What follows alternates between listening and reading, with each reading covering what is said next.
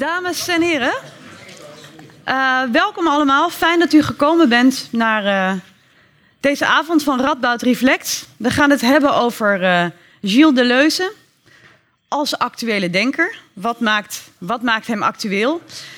Um, ik zat zelf terug te denken aan, aan, aan mijn eerste kennismaking met deze ja, Franse filosoof. Het was, het was een, een ingewikkelde kennismaking. Ik kan eigenlijk nog steeds niet zeggen dat ik hem heel goed begrepen heb. dat is moeilijk. En, um, en onze spreker van vanavond, Arjen Klein-Herenbrink, zal ook uitleggen, of uitleggen, die, die zegt er ook iets over waarom dat zo is.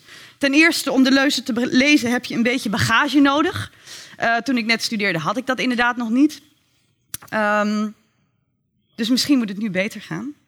Uh, maar hij schrijft ook iets leuks. Arjen schrijft: De leuze is onbegrijpelijk voor het grote publiek, maar wel toegankelijk voor u. Uh, dat, is, uh, dat is interessant. En hij gaat ons vanavond meenemen daarin. Hoe dat, hoe dat werkt. Hoe de leuze heel veel verschillende denkers is. Heel veel verschillende manieren van aanspreken gebruikt. Jargon ook. en daarom misschien voor altijd voor, voor, voor iedereen een beetje toegankelijk is. En een beetje verborgen blijft. Um, Arjen Klein-Herenbrink dus. Hij is promovendus aan, uh, aan de Radboud Universiteit. Uh, doet onderzoek naar de leuze. Gaat een antropologie ontwikkelen gebaseerd op het conceptuele begrippenkader van de leuze. Dus als het goed is, uh, gaat hij daar toe komen, heel binnenkort. Maar nu voor ons vanavond een inleiding in het denken van de leuze. We zijn er heel blij mee. Um, na zijn lezing gaat hij in gesprek met Bram Ive, uh, filosoof en literatuurwetenschapper. Hij is verbonden aan de Universiteit Leiden als uh, universitair docent Nederlandse taal en cultuur. En hij is nog niet hier. We gaan ervan uit dat dat allemaal goed komt komen. We begrepen dat hij uh, zijn telefoon het niet doet. Het is altijd spannend. Maar hij heeft nu nog ongeveer drie kwartier. Dus ik ga ervan uit dat het goed zal komen. ik ben trouwens Lisa Doeland. Ik ben programmamaker bij Radboud Reflex. Volgens mij weet u nu alles. Een hartelijk applaus graag voor Arjen Klein-Herenbrink.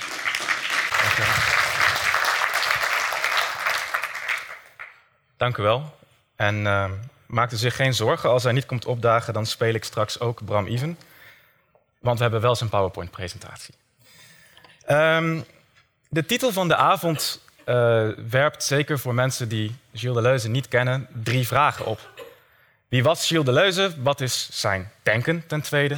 En ten derde, wat is daar actueel aan? Waarom zou je er in godsnaam tijd aan besteden? En ik begin met die derde vraag, omdat een introductie in een denker uh, bovenal moet verduidelijken waarom hij of zij relevant is gebleven. En de Leuzes actualiteit zit in zijn verzet tegen twee ideeën, zijn nogal felle verzet tegen twee ideeën die tegenwoordig niet alleen zeer gangbaar zijn, maar ook nog dagelijks aan populariteit winnen. En die wil ik graag eerst noemen voordat ik überhaupt iets over de leuze zeg. Het eerste idee luidt als volgt. Onze werkelijkheid is complex, heeft meerdere lagen en meerdere domeinen, maar één daarvan moet ultiem zijn. Dus er is de biologie, de economie, de materie, de menselijke ervaring, de taal enzovoort. Maar, wordt vaak gedacht, er moet één domein bestaan, een grond, een basis, van waaruit wij alle activiteit in alle andere domeinen kunnen verklaren. Eén laag van de werkelijkheid bevat dan dus alle oorzaken en alle andere, eh, alle andere lagen bevatten daar slechts effecten van. De bekendste proponent van dit denken is Stephen Hawking. Stephen Hawking zegt de fundamentele fysica die zal uitvogelen hoe op fundamenteel niveau alles werkt en we zullen alles daar langzaam toe kunnen reduceren. Dus als we dat domein kennen, en genoeg voorspellende kracht hebben, kunnen we vanuit dat domein alle andere mogelijke gebeurtenissen begrijpen en zelfs voorspellen. Dus de andere lagen, alles wat niet fundamentele deeltjes is bijvoorbeeld, wat u nu bijvoorbeeld aan mij ziet, wordt dan, worden dan slechts illusies, slechts effecten. En dat is de eerste bekende variant van het denken. Hè. Subatomaire deeltjes en hun interacties zijn dan echt op een bazaal niveau. En vulkanen, oorlogen en de verzamelde werken van Harry Mulisch lijken wel echt voor ons, maar ze zijn slechts schouwspelen of effecten van wat er ergens op een dieper, fundamentele niveau gebeurt. Die favoriete laag-illusie, want het is een illusie, zie je ook op biologisch niveau. Hè? Dat mensen zeggen, wij zijn onze hormonen, of onze genen, of onze neuronen, of ons brein, die zijn echt.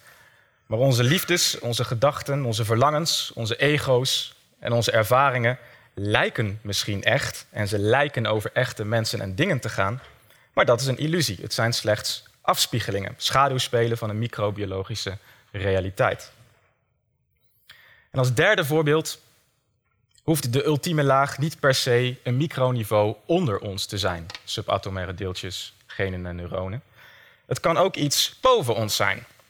Je kan ook zeggen, de oorzaak van al ons doen en laten is bijvoorbeeld God, of de taal, of de geschiedenis, of de ideologie, of de markt, en als je paranoïde bent, het systeem.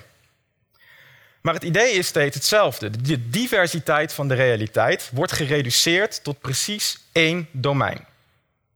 En laten we dit voor de handigheid monisme noemen. Het tweede idee is daaraan gerelateerd en het luidt alles is verbonden. Iets zijn is hetzelfde als het hebben van relaties. Dat is het synoniem daarvoor. Alles is verbonden, zijn is relaties hebben. En dat idee wint de laatste decennia aan veel kracht omdat we overal netwerken ontdekken en creëren.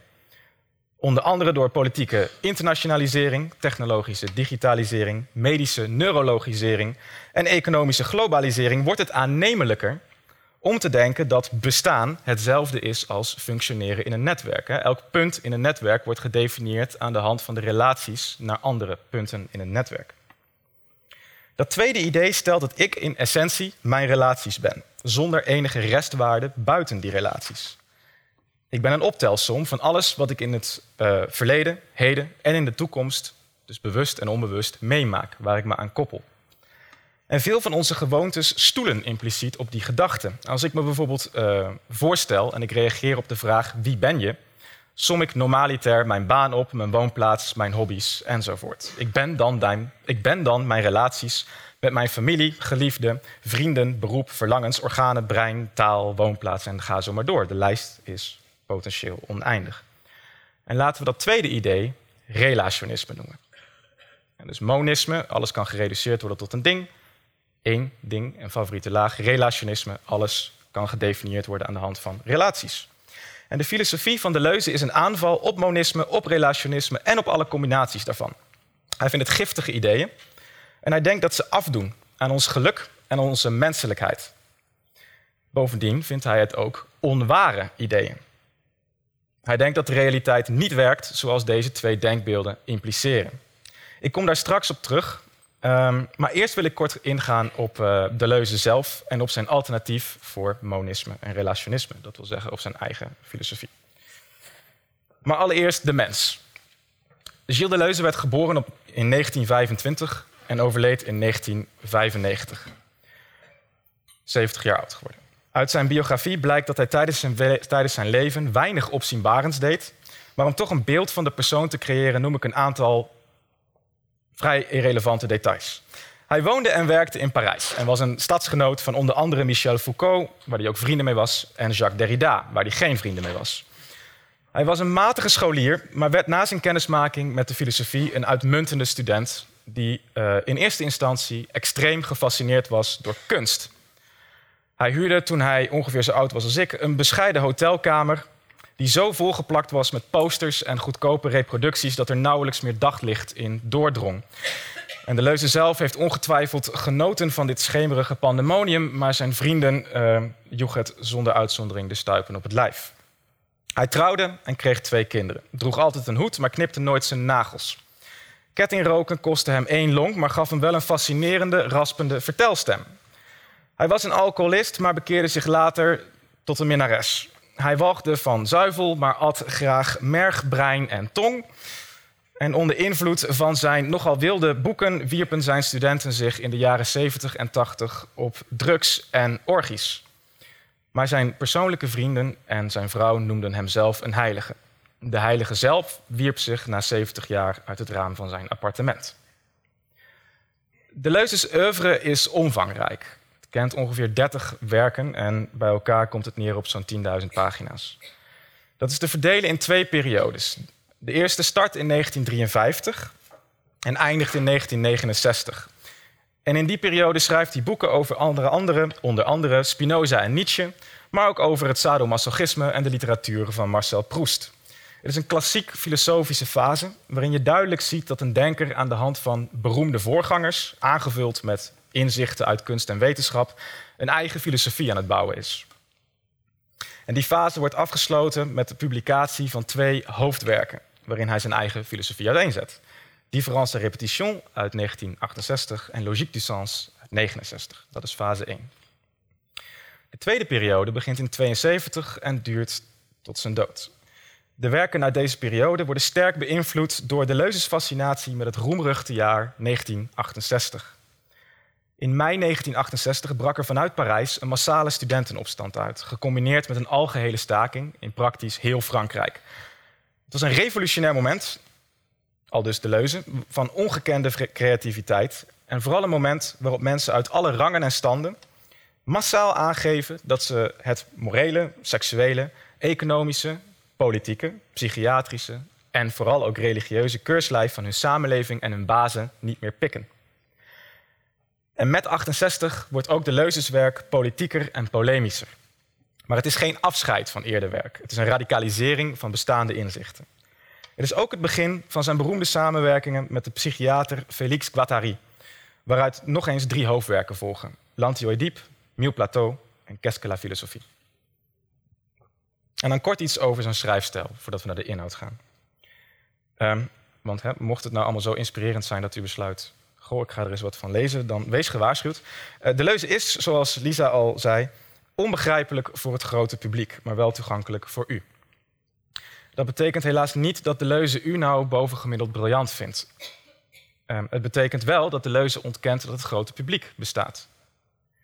Hij denkt niet dat er zoiets is als één taal één betekenisveld of één waarheid waarover wij allemaal beschikken en waarover filosofen dus, als ze slim zijn, hun schrijfstijl afstemmen. Daarvoor zijn we onderling te verschillend. Maar ondanks onze onderlinge verschillen hebben wij allemaal iets gemeen. Namelijk, we hebben allemaal onze affiniteiten met verschillende groepen die ieder hun eigen kennis, hun eigen taal en hun eigen manier van doen hebben. En daar schrijft de leuze voor, voor groepen. En hij wisselt per boek soms zelfs per hoofdstuk, van jargon om steeds verschillende groepen aan te spreken. Vaak zijn dat groepen filosofen, bepaalde stromingen, vaak ook niet.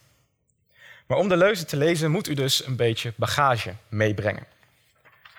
Wie bijvoorbeeld iets heeft met literatuur begint met zijn boeken over Proust of Kafka. Filmfanaten beginnen met zijn tweeluik over cinema. En wie kennis heeft van een bepaalde filosoof kan aanhaken bij boeken over Spinoza, Nietzsche, Leibniz of Hume. De Leuzeswerk heeft dus vele ingangen, maar geen enkele ingang is geschreven voor zoiets als het grote publiek. Hij zou gewoon niet weten wat dat is. En die schrijfstijl heeft een bijzonder gevolg gehad. De Leuzeswerk is vrijwel onbekend in de mainstream. waar Nietzsche en Kierkegaard en Plato nog wel eens gelezen worden door non-filosofen, is dat bij uh, de Leuze niet het geval. Vrijwel niet het geval. Maar toch is hij tegelijk ongekend populair, populair in een groot aantal hele specifieke beroepsgroepen. En denk daarbij aan Braziliaanse psychologen, Israëlische legerofficieren, Japanse architecten, Nederlandse filmstudenten, Amerikaanse activisten en Deense business schools. Voor al die groepen is hij verplicht curriculair leesvoer. En ik geef ook graag een voorbeeld dat laat zien hoe onverwacht een bepaalde groep kan reageren op een filosofie. In 1988 publiceert Deleuze het boek Le Pli, de vouw. Door experts beschouwd als veruit zijn, niet door alle experts, door sommige van de experts beschouwd als veruit zijn moeilijkste boek. Het is een zeer technisch boek, wat tegelijk gaat over zijn eigen filosofie, over de filosofie van Leibniz en over de barok als kunststroom en als architectuur. En centraal in het boek staat de suggestie dat de realiteit in elkaar zit gevouwen. Het is onbegrijpelijk voor filosofen, want vouwen komt niet in het filosofisch kanon voor als begrip. Dat is niet iets wat bekend voorkomt.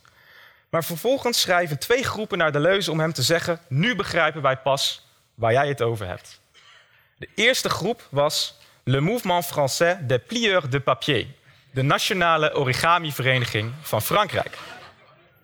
En ze schrijven: We snappen je nu eindelijk perfect, want wij doen de hele dag niks anders dan dingen in elkaar vouwen. De tweede groep was de Nationale Vereniging van Franse Golfsurfers. Die ook zeiden, de leuze, nu snappen we het. Want wij leven deze theorie. Wij vouwen ons de hele dag in de golven van de natuur. Wij vouwen onszelf in de golven, in de vouwen van de oceaan. Die zelf alleen maar vouwen is, enzovoort. Tot zover de leuze zelf. En ik wil nu op zijn denken ingaan. En ik doe dat grotendeels aan de hand van Lantioidiep. Uh, misschien wel zijn beroemdste boek. De Anti-Oedipus. Een boek dat hij samenschreef met de eerder genoemde Félix Guattari. Het werd gepubliceerd in 1972, maar uh, inmiddels bestaat er ook een Nederlandse vertaling uit 2012, geloof ik. Um, dat is een van mijn redenen om me vooral daarop te richten. Mijn tweede reden is dat de eerste 150 pagina's van dat boek uh, eigenlijk alle hoofdlijnen van de Leuzes Denken bevatten die ik vanavond uh, ga noemen. Dus u kunt checken of ik onzin praat of niet. En de derde reden is dat het boek eigenlijk is geschreven voor u, denk ik. Namelijk voor mensen die wellicht wel eens te horen krijgen dat zij gereduceerd kunnen worden tot één ander ding, monisme, of tot al hun relaties, relationisme. Anti-Oedipus dus. Wat is Oedipus? In de tragedie van Sophocles is Oedipus de koning wiens doen en laten onherroepelijk de profetie vervult die stelt dat hij zijn vader gaat doden en zijn moeder zal huwen. Later bij Freud wordt dat doorgewerkt naar een theorie over seksualiteit, met een nadruk op agressie naar de vader en verlangen naar de moeder. Voor de leuze is Oedipus echter net iets anders. Het is nog een tragisch verhaal, nog een theorie over onze seksuele ontwikkeling. Zijn vijand, de anti-Oedipus, zijn vijand Oedipus is de filosofische Oedipus, zoals hij zelf schrijft. Een filosofische Oedipus is iedere theorie die stelt dat iets slechts een representatie van iets anders is. Het is iedere theorie die stelt dat de essentie van iets, van u, maar ook van dit tafeltje bijvoorbeeld, te vinden is in een relatie met, dit, met iets anders. Bij u bijvoorbeeld in uw biologische make-up en bij het tafeltje bijvoorbeeld in zijn fysieke onderdelen. Kortom, het is elke theorie die neerkomt op wat we net monisme en relationisme hebben genoemd. Maar waarom kiest de leuze Oedipus als naam voor zijn vijand? Hij kiest die naam omdat de Freudiaanse psychoanalyse, waarin het Oedipus-complex centraal staat volgens hem, voorbeeldig illustreert wat er nou fout gaat met monisme en relationisme en dan tegelijk in één theorie. Dus het bespaart hem de moeite van twee voorbeelden geven, het geeft hem één voorbeeld. Ik geef een voorbeeld uit Anti-Oedipus. Uh, de Leuze herhaalt een beroemde psychoanalytische casus, een beschrijving, waarin een jongetje naar een psychoanalist wordt gebracht, wordt gebracht. En in de behandelkamer krijgt het jongetje een speelgoedtrein om mee te spelen. En hij gebruikt een stoeltje als tunnel en speelt dat de trein de tunnel ingaat. Aha, roept de analist. Dit is transcript. Hè? De trein, dat ben jij. En de tunnel, dat is mama. Tot overmaat van ramp heet het jongetje Dick. En wordt hij in de tekst aangeduid als de kleine Dick. Soms kun je het niet beter verzinnen dan dat het in de tekst eh, staat. Maar goed, de conclusie is dus duidelijk hè, over het jongetje. Het jongetje heeft Oedipus-complex. Verlangen naar de moeder, agressie naar de vader. En de leuze wijst erop dat deze conclusie, deze manier van analyseren, tegelijk relationisme en monisme impliceert. Want wat is het jongetje? Tijdens de analyse wordt hij geanalyseerd in termen van wat hij doet. In termen van zijn relaties met de trein en het stoeltje, CQ, de tunnel. Relationisme. En die relaties worden op hun beurt geanalyseerd als expressies, als uitdrukkingen, als representaties van één zaak die van tevoren al vaststond, namelijk het Oedipus-complex, monisme. En wat is daar nou erg aan? Het is niet dat er geen mensen aan het Oedipus-complex lijden. Wat er erg aan is, is dat in dit soort psychoanalyse van tevoren al vaststaat dat iedereen aan het Oedipus-complex lijdt. Wat het jongetje ook had gezegd of gedaan, de analist had altijd een manier gevonden om te concluderen: je bent wat je doet, relationisme, en wat je doet is een representatie van het Oedipus-complex, monisme. Is dit een karikatuur van de psychoanalyse? Ja, natuurlijk is dat het. En dat is het punt ook niet. Wat we moeten onthouden is dat Oedipus de naam is voor iedere theorie die zegt alles kan gereduceerd worden tot zijn relaties of tot een bepaalde laag. Of allebei. Want Oedipus laat dus goed zien hoe je beide kan combineren.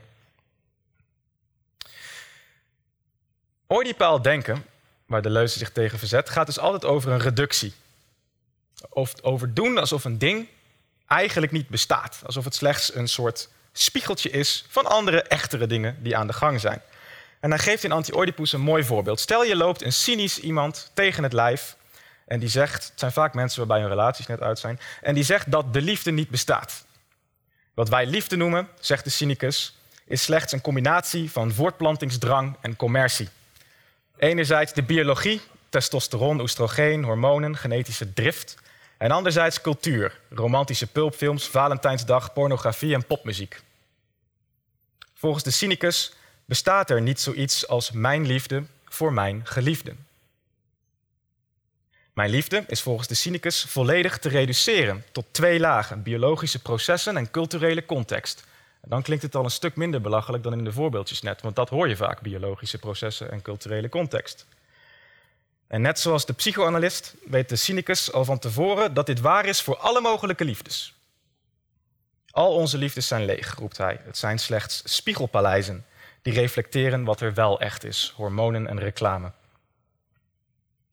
En deze cynicus geeft ons naast een deprimerend verhaal ook een nieuw inzicht. Hij reduceert de dingen namelijk niet naar één laag, monisme, maar naar twee tegelijk.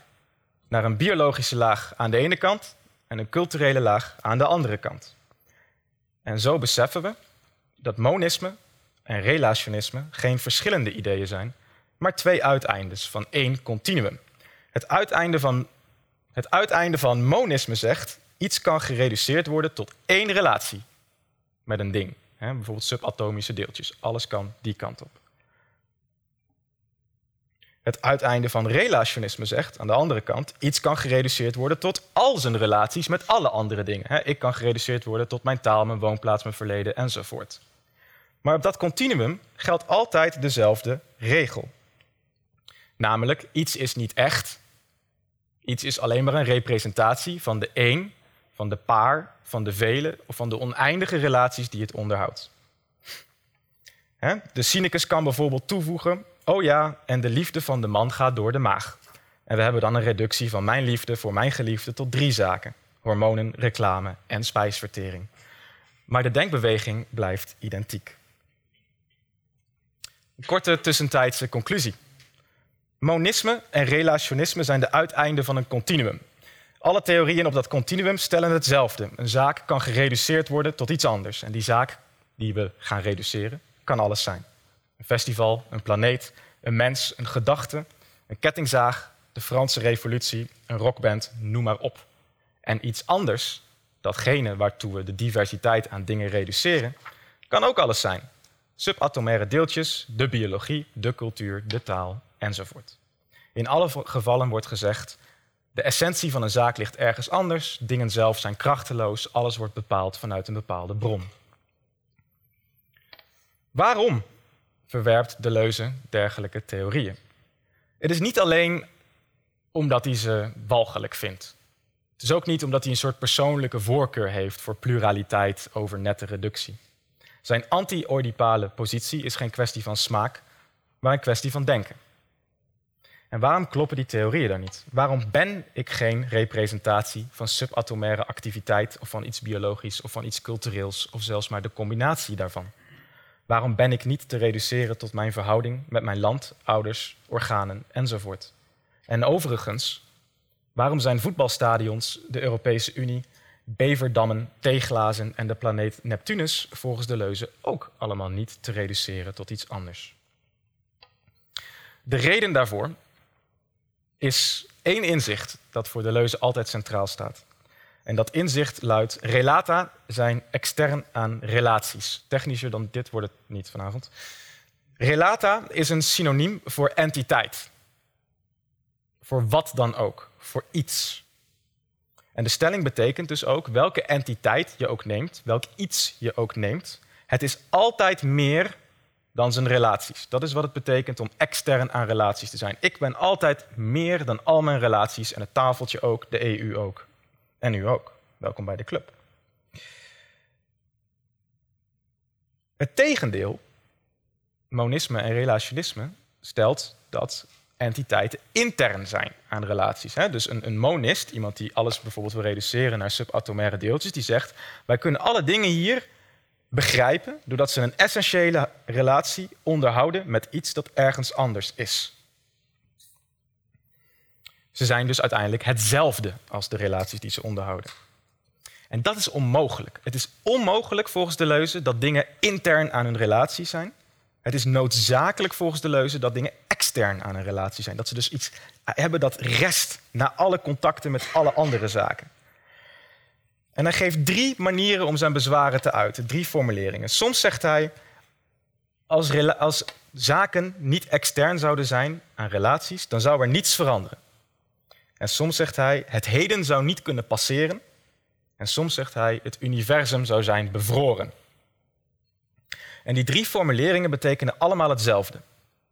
Als alles volledig bestaat uit relaties, dus als alles alleen maar zijn contacten is op dit moment, hier en nu, dan zit alles muurvast. De hele realiteit zou bevroren zijn in een eeuwig heden. En waarom?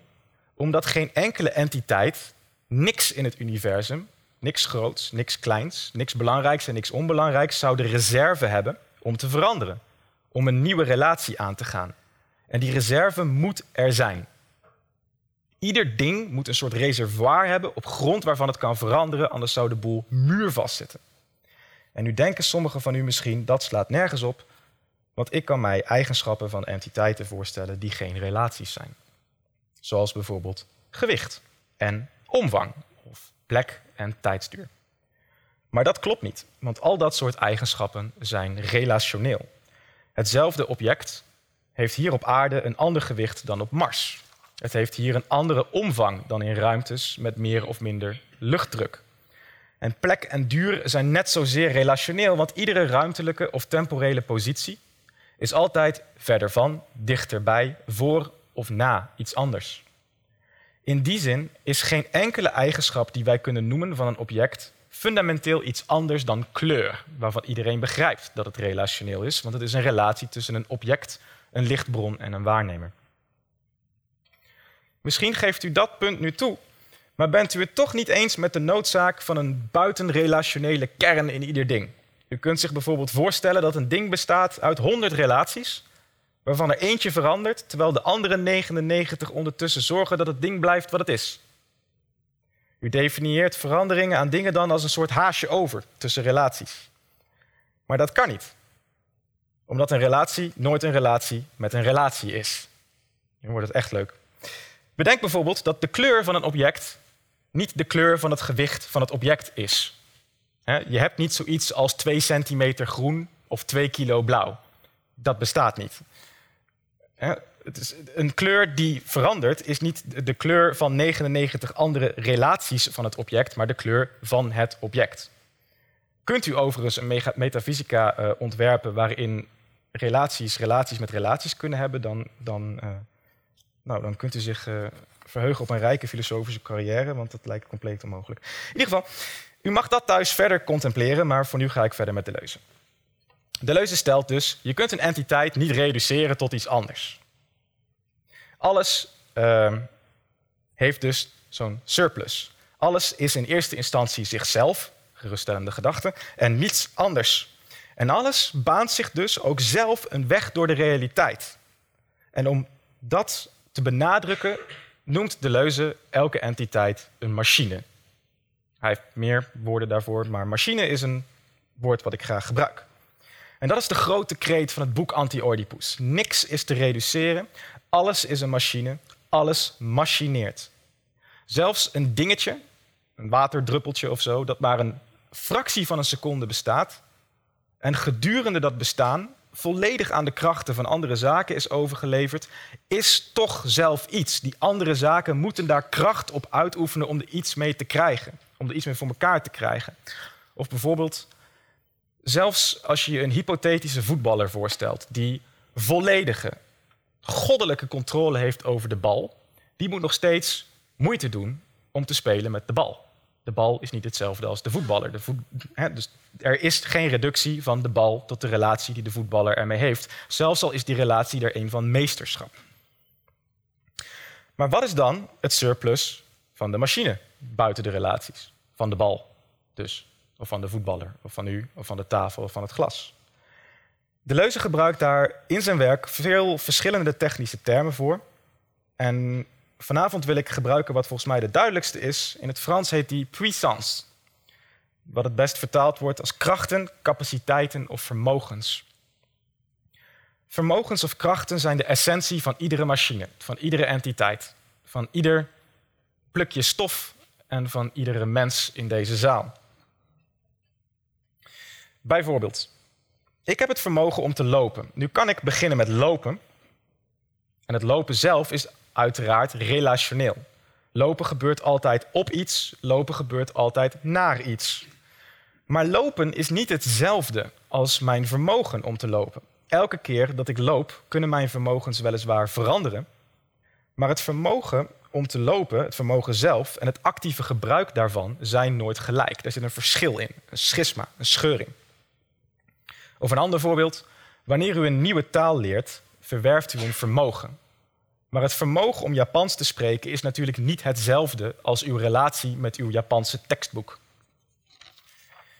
Iedere entiteit heeft dus een volledig eigen interne realiteit. Een eigen puissance, zijn eigen cluster aan vermogens. En die kan natuurlijk veranderen door relaties met andere entiteiten. Dat wordt niet ontkend. Die is ook afhankelijk van relaties met andere entiteiten. Als ik mij niet voed, dan gaat het snel bergafwaarts met mijn vermogen om te lopen. Maar die twee zaken zijn niet hetzelfde. Vermogens en de bronnen en de uitoefeningen ervan. En daar zien we de fout van alle vormen van reductionisme pas echt goed. Ze verwarren een generator met het gegenereerde. Net zoals stroom zelf niet hetzelfde is als de accu waardoor ze wordt gegenereerd. Niemand zal zeggen dat een stroom bestaat uit accu's. Uh, op maar op dezelfde manier is het ook zo dat mensen, huiskatten, bungalows, Valentijnsdag en de Europese Unie niet hetzelfde zijn als de zaken waardoor ze gegenereerd worden. Bijvoorbeeld de Europese Unie heeft zo zijn eigen vermogens, maar die zijn niet te reduceren tot alle burgers en alle andere objecten die zorgen dat de Europese Unie bestaat. Op dezelfde manier als dat stroom niet hetzelfde is als de accu die zorgt dat die bestaat. Dus alles is een machine betekent ook alles is echt. Nog een geruststellende gedachte, of niet? Dat ligt eraan. Een vulkaan is net zo echt als een deuntje dat vastzit in mijn hoofd. Geen van beide is te reduceren tot wat het niet is, ook al hebben ze allebei ander spul nodig om te bestaan. Een vulkaan kan bijvoorbeeld uitbarsten, maar de stukken steen waaruit ze bestaat kunnen dat niet. Het vermogen is van de vulkaan zelf en niet van haar onderdelen. Het activeren van het vermogen vereist weliswaar activiteit van talloze andere dingen, maar het vermogen zelf blijft van de vulkaan. Op dezelfde manier is ook het deuntje dat nu in mijn hoofd zit niet te reduceren tot iets anders. Natuurlijk, ik en een heleboel andere dingen genereren het deuntje. Samen, uh, maar het deuntje heeft bijvoorbeeld het vermogen om in uw hoofd te kruipen en ik heb dat niet. Het deuntje in mijn hoofd is het themalied van de Muppets. Met name na. En nu zit het ook in een aantal van uw hoofden. Voilà. Um, de gevolgen van de stelling alles is machines zijn overigens gigantisch. Het is niet zomaar banaliteit hier. Ten eerste, als alles machines is en als relaties dus extern zijn aan relata, is er nooit direct contact met iets anders mogelijk. Hoe een entiteit zich manifesteert in een relatie is niet hetzelfde als de vermogens van die entiteit, als die essentie. En jullie kijken naar mij, niet naar mijn vermogens. Jullie kijken naar een uitoefening van mijn vermogens, maar niet naar die vermogens zelf. U kijkt naar mij voor zover uw eigen vermogens dat toelaten, samen met een heleboel andere entiteiten die daar, als u mazzel hebt, een beetje aan meewerken.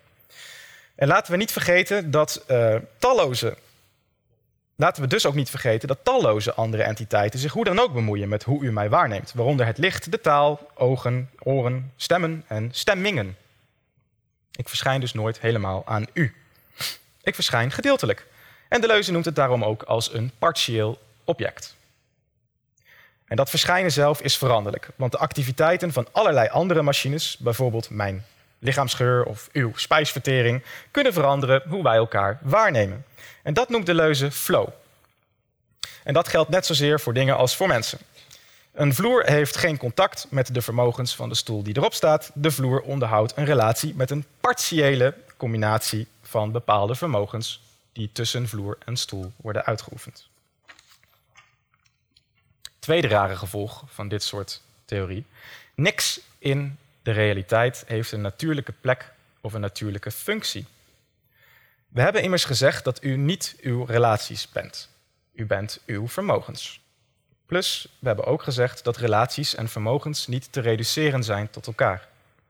U bent dan opeens geen Nederlander meer. Ja, u draagt bij aan het genereren van de machine Nederland. En Nederland draagt bij aan u. Net zoals talloze andere entiteiten in en rondom Nederland dat doen. Maar u doet Nederland. U bent zo nu en dan aan het Nederlanden. Net zoals u af en toe aan het koken of neuken bent en zo een stampot of een vrijpartij tot realiteit maakt. Kortom, er is altijd werk nodig om iets aan iets anders te koppelen. Bedenk u, bedenk u ook dat in het reductionisme dat nooit het geval is. Monisme, relationisme. In een reductionistische theorie weet je altijd van tevoren al waar alles bij hoort. Waar alles thuis hoort en uh, wat alles hoort te doen. Alles heeft een essentiële relaties. De Nederlanders zijn echt Nederlanders. De Botswanianen zijn echt Botswanianen. Dingen zijn netjes te reduceren. Alles heeft zijn plek. En u begrijpt ook waarom de leuze denkt dat relationele en monistische theorieën uiteindelijk de grond vormen van allerlei racismes, seksismes en nationalismes. Maar in zijn theorie moet er altijd werk verzet worden. Er moet bijvoorbeeld werk verzet worden, contingent werk, om te zorgen dat mijn organen functioneren voor mij. Ze doen dat niet op zichzelf. De relatie tussen mijn hart en mijn andere organen en mijzelf is niet essentieel. Daarom kan die ook kapot. En op dezelfde manier moet er werk verzet worden om hout in een beverdam terecht te laten komen, om geliefden in een relatie te houden, om Turkije binnen of buiten de EU te houden, om een planeet in zijn baan te houden, enzovoort. Iedere relatie is dus een aanspraak op een, op een, uh, op een entiteit. Het is een claim. Maar een aanspraak of een claim is niet hetzelfde uh, als een essentie. Alle relaties die wij kunnen bedenken zijn dus slechts wat dingen doen. U vindt dus geen Nederlanderschap in uw essentie, hoezeer u zich ook behangt met oranje vlaggen en volpropt met kroketten. Op dezelfde manier kunt u ook nooit Nijmegenaar of blank of heteroseksueel in uw essentie vinden. Al die zaken verwijzen naar bepaalde relaties die u heeft met andere entiteiten, met manieren van doen. En die kunnen superbelangrijk voor u zijn, dat wordt niet ontkend, maar ze zijn nooit uw essentie. In andere woorden, alle ismen, waarvan ik net al een rijtje noemde, vooral in hun fundamentalistische varianten, hebben het volgens de leuze bij het verkeerde eind omdat de zeer conservatieve variant van een isme altijd zegt: kijk naar die groep entiteiten, daar is een, daar is een interne, essentiële relatie aan toe te kennen, daar horen ze thuis, dit moeten ze doen, dat moeten ze doen. Het isme dat door de leuze overigens het felst bekritiseerd wordt, is het kapitalisme. Het kapitalisme is een subtiel beestje, omdat het van twee walletjes eet. Enerzijds, al dus de leuze, is het een logica die volledig gebaseerd is op het idee dat niets een natuurlijke plaats heeft. Dat alle relaties extern zijn, niet essentieel. Dat dingen dus kunnen verplaatst worden, zonder al te veel moeite. En kapitalisme zelf is natuurlijk ook een manier van doen, een manier van handelen, die alles laat draaien om verplaatsing, verandering, groei en consumptie. Anderzijds is het een logica die op metaniveau voor een nieuwe natuurlijke plaats zorgt.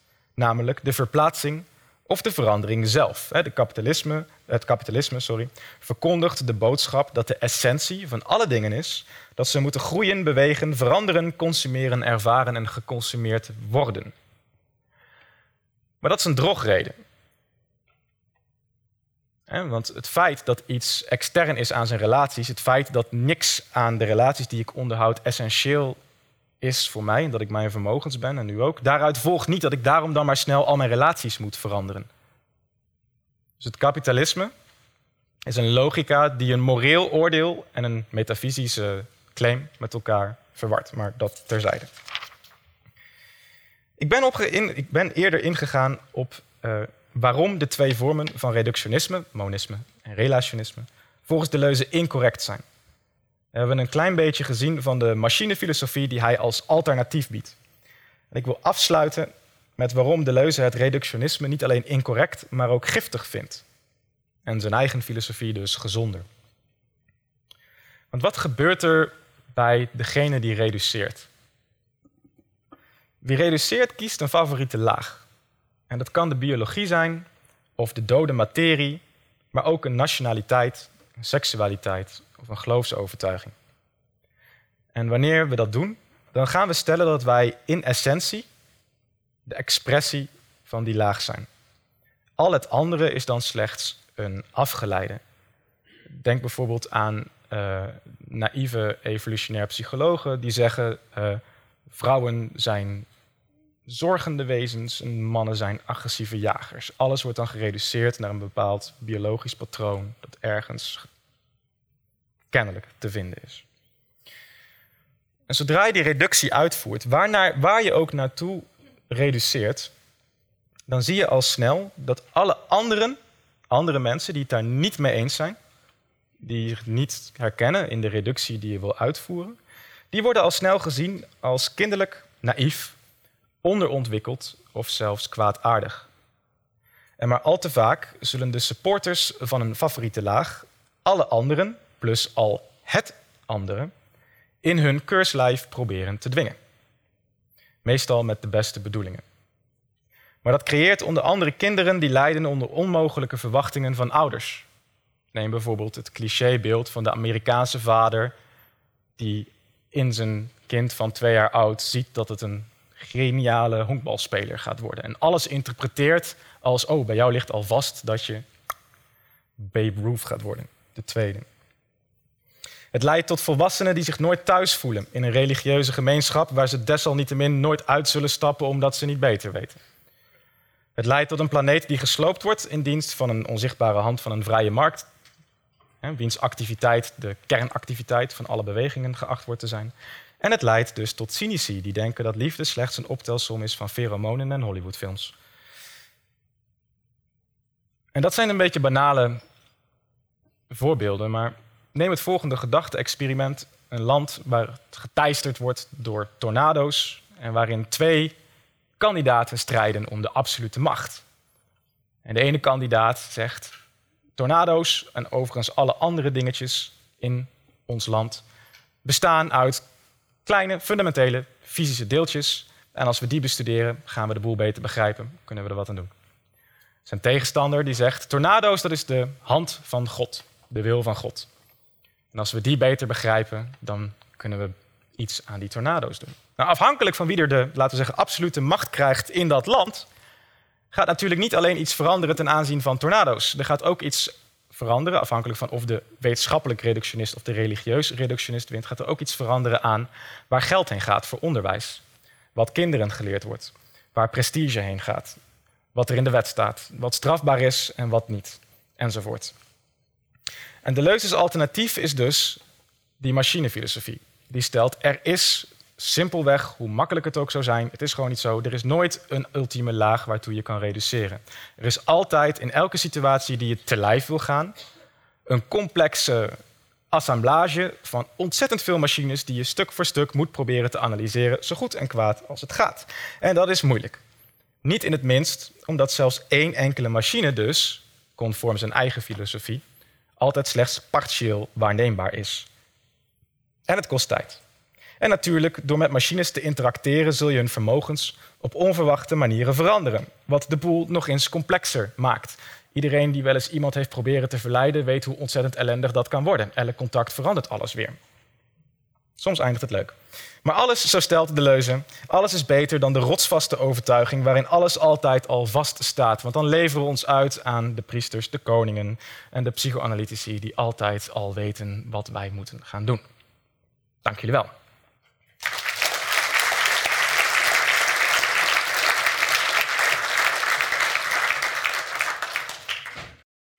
Arjen, bedankt voor je lezing. Uh, inspirerend. Uh, ik, uh, ik ben blij dat je hem wel vrijmal helemaal hebt kunnen volgen uiteindelijk nog. We waren bang dat je... je bent er. Ja. ik heb begrepen dat je de hele middag in bed hebt gelegen. Voel je nu wel goed genoeg om... Ik heb goed geslapen. Fijn, fijn. Nou ja. Ik ben een beetje ziek inderdaad. Maar ja, het gaat ja. wel. Enfin, je bent er. Ja. Uh, ik wil ja, eigenlijk beginnen om te vragen, um, om te reageren op Arjen's lezing. Wat zijn de belangrijkste punten in, die hij naar voren heeft gehaald? Wat, wat, wat, wat mis je nog waar we je het over hebben met Arjen? Nou, misschien eerst een verhaal. En ik denk dat Arjen het ook wel gezegd heeft. Ik heb, ik heb de kans gehad om jouw lezing op voorhand te lezen en in de inleiding werd het ook al aangestipt. Wanneer je over de leus spreekt, dan mis je altijd heel veel. Vooral omdat de leus heel veel concepten de lucht in gooit. In ieder boek krijg je weer een heel jargon aan concepten. Dus in principe mis ik niet zo heel veel. Maar wat me wel heel erg opviel, is dat... Wat, en dat zullen zij die, die de leus gaan lezen, of misschien al gelezen hebben, ook merken um, is dat wanneer je de leus leest, dat je vanuit zeg maar, je eigen vakgebied of je eigen insteek daar um, in terechtkomt. En vaak zie je dan dat iemand een voorkeur heeft voor een bepaald boek. Um, de origami, origami Club uh, voor Le Pli bijvoorbeeld, zoals uh, Arjen zo mooi zei. En ik zelf heb in mijn eigen selectie wat andere boeken en dus ook wat andere concepten die in essentie hetzelfde zijn, maar net een klein beetje verschillen, net een paar verschuivingen aanbrengen. En daarom vond ik de lezing ook ontzettend um, prikkelend en boeiend om, om, um, nou ja, om te kunnen horen, om, om, om te kunnen ervaren. Want het geeft toch ook weer, ondanks het feit dat ik al een tijdje met de leus bezig ben, hoewel ik zeker geen specialist ben, het geeft toch weer een heel nieuwe blik op, op de hele situatie. En juist dat idee van monisme en relationisme, wel zo had ik het eigenlijk nog nooit bekeken. En dat zet, wat ik denk dat daar heel goed, wat ik daar zelf in ieder geval heel goed aan vond, is dat dat heel scherp duidelijk maakt waar de leus zich tegen verzet. En dat dat, um, dat, dat deels ook de vraag kan beantwoorden: wat is de actualiteit van de leus. Want dat is eigenlijk waar we het vandaag actueel denken. Wat maakt de leus actueel? Nou, ik denk eigenlijk dat je heel terecht zegt dat het juist dat verzet tegen relationisme is en dat verzet tegen monisme, of wat ik zelf dan reductionisme zou noemen, de neiging om iets tot één ding te verklaren, of meerdere dingen tot één ander ding. Wat ik misschien echter um, nog mis, of wat, wat ik zou willen aanvullen, is, of, en waardoor ik zelf ook heel erg geprikkeld was, is dat ik tegelijkertijd, en ik ben daarin niet de enige, um, ook heel erg de leus ervaar als een denker van relaties. Dat wil niet zeggen um, dat de leus. Um, of dat wil niet zeggen dat de manier waarop je het neerzet, dat dat niet klopt. Wel, het klopt zeker wel. Maar het komt, betekent wel dat we heel precies, of, en dat lijkt me heel boeiend om dat een keer te doen, om wat preciezer in te gaan op wat betekent het nou dat de leus zich verzet tegen relaties, tegen relationisme eigenlijk. En hoe kunnen we dan toch begrijpen dat de leus, bijvoorbeeld wanneer hij het kapitalisme organiseert, of de relatie tussen verschillende um, entiteiten die op elkaar gekoppeld worden, dat dit toch zo'n centraal element is van de leus. Hoe kunnen we dat wat beter uitleggen? Volgens mij is het al heel belangrijk voor, om de actualiteit van de leus te zien. En dat mis ik nog een beetje. Ik heb hem zelf altijd als een relatiedenker begrepen. En nou, jij ziet hem heel anders in zekere zin. Of jij nuanceert dat. Ja, eh, als ik mag reageren. Ja, zeker. Ja. Uh, ik ben ook ziek, dus dat, dat, dat is mooi. Uh, de Leuze was ook altijd ziek trouwens. En die, die, die, deed daar veel te gaaf over. Dat is een van de dingen die ik niet leuk vind aan de Leuze. Die zegt van ja, als denker moet je drie dingen zijn. Ziek, arm en kuis. En dat zijn toch drie dingen die ik niet... Nee. maar goed. Um, ja, die relaties. Maar ik, ik denk dat... Je hebt helemaal gelijk. Hè. Dat, dat, dat, laat dat uh, uh, voorop staan. Maar ik denk dat het uh, juist het uitgangspunt dat er geen essentiële relaties bestaan, maakt denken over relaties heel belangrijk. En, en, en misschien is een, een vergelijking met een andere denker daarin handig. Als je bijvoorbeeld um, Plato neemt. Plato denkt dat wat zijn dingen in essentie? Dingen zijn in essentie de eeuwige vormen in de ideeënhemel. Dus één relatie die altijd al vaststaat. Hij maakt daar wat uitzonderingen van. Eh, volgens Plato zijn zweet en haar hebben dat niet, maar wij wel. En veel andere dingen ook. Wat een paard dan doet, maakt tijdens zijn leven heel weinig uit welke relaties zo'n paard aangaat. Zijn essentie, de essentie van het paard, kan niet gewijzigd worden. Dat is absoluut fundamenteel onmogelijk, want hoeveel ideeën er zijn staat vast, er komen er geen nieuwe bij en de ideeën zijn eeuwig. Dus het paard is altijd een representatie in een interne relatie met het idee paard. Voor de leuze is dat iets heel anders. De leuze zegt Emile Plateau, een rempaard en een werkpaard zijn fundamenteel andere dieren. Waarom? Omdat een rempaard en een werkpaard die gaan allerlei relaties aan tijdens hun bestaan die zo verschillend zijn dat ze een volkomen andere vermogensstructuur hebben. Ja. En ik denk dat uh, juist door reeds bestaande relaties op metafysisch niveau uit te bannen, dat er, laten we zeggen, existentieel, dus wat er daadwerkelijk gebeurt, daardoor het misschien wel de enige metafysica is die dat dan super belangrijk maakt. Ja, dat, ik denk dat dat inderdaad heel. Dat, dat beantwoordt een deel van mijn. Uh, ja, van waar, waar ik nog mee zat terwijl ik jouw lezing aan het beluisteren was. Um, ik heb daar. Wat, wat, wat, wat, wat bij opvalt bij de leus is en bij het praten over de leus, ook wel bij filosofie in het algemeen, is dat het heel vaak heel erg abstract blijft. Nu is het zo dat de leus soms ook heel erg specifiek kan zijn. En het voorbeeld dat je, en, en dus ook concreet, het voorbeeld dat jij gaf van het paard is daar heel geschikt voor.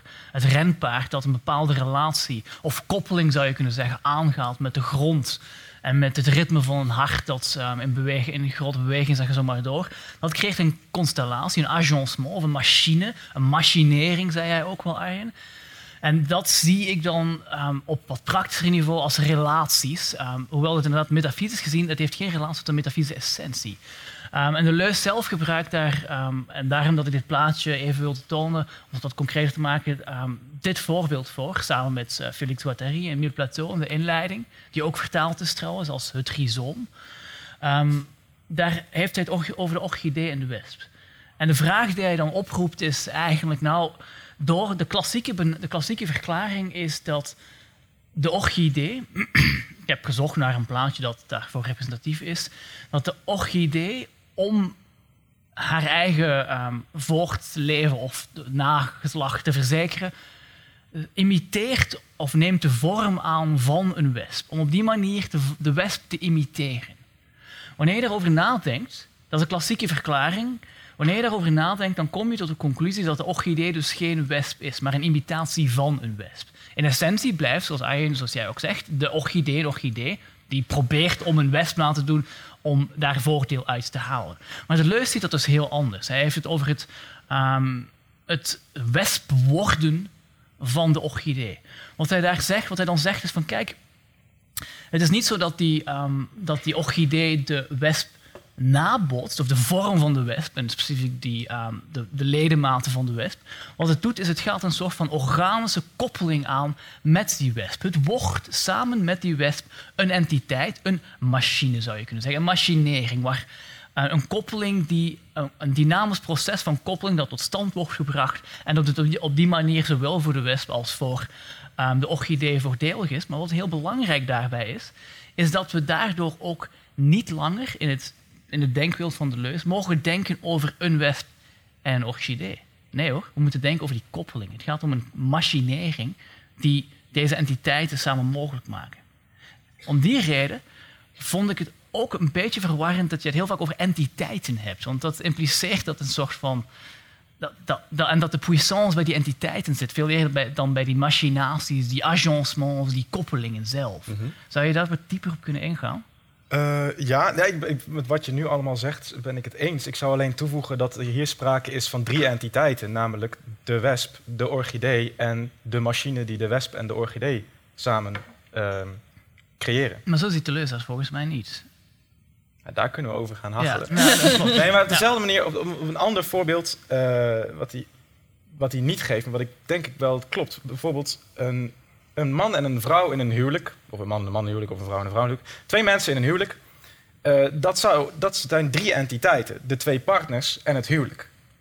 En iedereen die in een relatie of in een huwelijk zit of heeft gezeten, weet dat je af en toe gegrepen kan worden, dat je iets moet doen voor je relatie, iets doen voor je huwelijk. Niemand zegt, ik werk aan mijn partner. Je werkt aan je relatie. Dus er is al een soort gevoel van dat we wel degelijk weten dat die derde entiteit er is. En ik denk dat op dezelfde manier daarom ook de leuze in de ook sociale constructen, groepen mensen, hè, eh, sociëteiten, gemeenschappen, stammen, uh, totemgemeenschappen enzovoort. Er is een heel breed spectrum dat behandeld wordt, ook allemaal machines uh, noemt.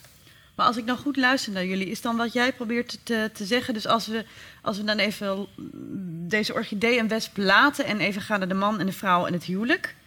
Uh, dat, dat jij dan zou zeggen, die man en die vrouw, die zijn er niet. Of voor, voor zover ze, ze zijn in dat machinale samen zijn, huwelijk. Misschien moeten we toch terug naar de orchidee en de wesp. Nee, maar, dus, misschien een, uh, klein dingetje. Ik zou zeggen dat zij genereren dat huwelijk, simpelweg. Maar dat huwelijk is niet te reduceren tot hun twee. Dat, dat, omdat het ook zijn eigen uh, machine is. Ja, nou, weet je wat het is? Je, um, wat, je nu doet eigenlijk is, je, je presenteert drie entiteiten. Um, ik stel voor om het over geen enkele entiteit te hebben en alleen maar over multipliciteiten. Wat ik daarmee bedoel is, um, en dit, op de achtergrond hiervan speelt volgens mij een filosofische discussie die met de, de nogal hippe object-oriented philosophy te maken heeft en de revival van de metafysica waar de leus wel en niet in past. Um, misschien dat we daar vanavond beter niet op ingaan, maar wat me wel opvalt is de neiging om alles een entiteit te noemen, terwijl mm, dat kan. En je zou dus kunnen zeggen, een leger is een entiteit, een, um, een collegezaal is een entiteit, de Europese Unie is een entiteit, constructen die gecreëerd worden door een assemblage. Alleen de leus heeft het nooit over een assemblage. Voor zij die ooit de leus in het Engels hebben gelezen, die hebben waarschijnlijk dat woord assemblage wel een keer gehoord. Dat woord bestaat helemaal niet bij de leus. De leus heeft het niet over een assemblage, hij heeft het in het Frans over een agencement. En een agencement, dat betekent in het Frans niet veel meer, totdat de leus ermee aan de haal ging, dan een kantoortuin. Wanneer je een kantoortuin hebt, dat is een agencement. Dat wil zeggen dat je een aantal schotjes zet in een, een lege ruimte. In principe heb je een lege ruimte. Je hebt gewoon een vlakke ruimte. Een, een, een vlak. En daar ga je dan vervolgens indelingen op aanbrengen. En die indelingen maken het vervolgens noodzakelijk dat je rondom die kantoortuintjes gaat, um, gaat navigeren. Met andere woorden, je gaat patronen moeten volgen als gevolg van die indelingen. Nou, die kantoortuin is als, als zodanig geen eigen entiteit. Ik ben geen eigen entiteit. Tenminste, dat interesseert de leus in mijn perceptie niet zozeer. Wat hem wel interesseert is hoe die, twee, hoe die die multipliciteit, hoe al die dingen niet meer één zijn en op elkaar moeten gaan inspelen, waardoor je eigenlijk niet meer kan spreken over een mens in de ruimte en ga zo maar door. het gaat echt om die koppelingen. Waarom dan agencement? Agencement, agency. Het heeft een bepaald soort vermogen, een handelingsvermogen, dat gecreëerd wordt door het indelen, door het aangaan van die koppelingen. Dus die puissance behoort volgens mij helemaal niet toe aan entiteiten. Die idee dat er een soort van entiteit is die een onuitputtelijke puissance zou hebben. Nou, dat is best wel een metafysisch idee dat vandaag heel erg populair is. Ik zie dat bij de leus toch minder. Ik zie veel meer die bewegelijkheid, die agencement, dat, dat, dat koppelen op en het feit dat die koppelingen soms tijdelijk tot stilstand komen. Tot een Europese Unie, tot een collegezaal. Um, nou, dat is op zich prima. Maar um, wat Deleuze vooral geïnteresseerd, waar, in, waarin in de jaren 70 vooral geïnteresseerd is, in anti-Oedipe en ook in uh, Mille Plateau, is in, de, in, de, in onderzoeken hoe je die um, vastgeroeste koppelingen, Oedipus is zo'n vastgeroeste koppeling van, oh, het jongetje, oh, Oedipus complex, om die vastgeroeste koppelingen weer los te maken, om andere koppelingen mogelijk te maken. Niet om te zeggen dat er allerlei entiteiten zijn, maar juist om die koppelingen te laten glijden, als het om die flow te creëren ik, denk dat, het, dat we uiteindelijk op een verschil in, in, in... Interpretatie en ook een leeftijd waarschijnlijk wat dat betreft uitkomen. oh. Een nou, leeftijd... Nou. Een verschil in nadruk en niet een verschil in uh, uiteindelijk... Uh, in uiteindelijk wat de metafysica van het geheel is. Maar ik wil het wel graag over die, over die, over die koppelingen hebben. Want dat was in mijn, in, mijn, in mijn lezing, toen ik aan het schrijven was, bleek dat nogal kort te zijn en ik had dat wel aangekondigd. Want dat is dus precies de, de, de reden dat de leuze zich zeer kritisch tegen heel veel van onze manieren van doen opstelt. Hè? Omdat die, die, die stolling, die ongezonde stolling, waarin je dus gereduceerd wordt tot een vaststaand iets, uh, eigenlijk altijd aan het aanvallen is en altijd aan het bestrijden is. En hij is ook iemand die constant aan, op, aan het zoeken is naar kunstenaars en naar schrijvers om over te schrijven die dat in zijn idee goed verbeelden, hoe je vastkomt te zitten in zo'n labyrint van vooraf bepaalde zaken. Daarom is Kafka altijd een grote, grote inspiratiebron voor hem. Um, En, en, en veel meer dan, dan of de leuze nou een, een, een speculatief realist is. Uh, dat, Ja, ik denk van wel, jij denkt van niet, maar dat maakt niet zoveel uit. Eh, de, de, de, de daadwerkelijke brede relevantie ervan, die zit erin dat hij op een heel andere manier dan bijvoorbeeld een Derrida of een Foucault dat soort verzet probeert op te roepen. Eh, de, de, de, de- de- tenminste, ja, ik weet niet of je het hiermee eens bent, maar een van de, van de, van de bewonderenswaardige manieren van de stijl van filosofie van Deleuze is dat hij zich nooit, dat hij nooit kan horen bij wat dan de meesters van de achterdocht heet. In dat soort filosofie. Dus de mensen die altijd zullen suggereren dat er iets pervers in je aan de hand is. Dat er iets geheims aan de hand is. Eh, Zizek doet dat, Slavoj Zizek doet dat graag. Hè? Dus die laat altijd zien van juist de dingen die jij eh, verschrikkelijk vindt, dus incest en geweld, zijn eigenlijk de waarheid van wat je altijd aan het doen bent. Dat er een soort traumatische kern is. En dan op basis van dat trauma moet je dan dingen gaan losweken. Bij Deleuze is dat absoluut niet het geval. Bij Deleuze is het verzet altijd een vorm van experiment met de werkelijkheid. Dus het kijken of je los kan komen uit je dagelijkse structuren, kijken of je iets anders kan proberen wat beter werkt.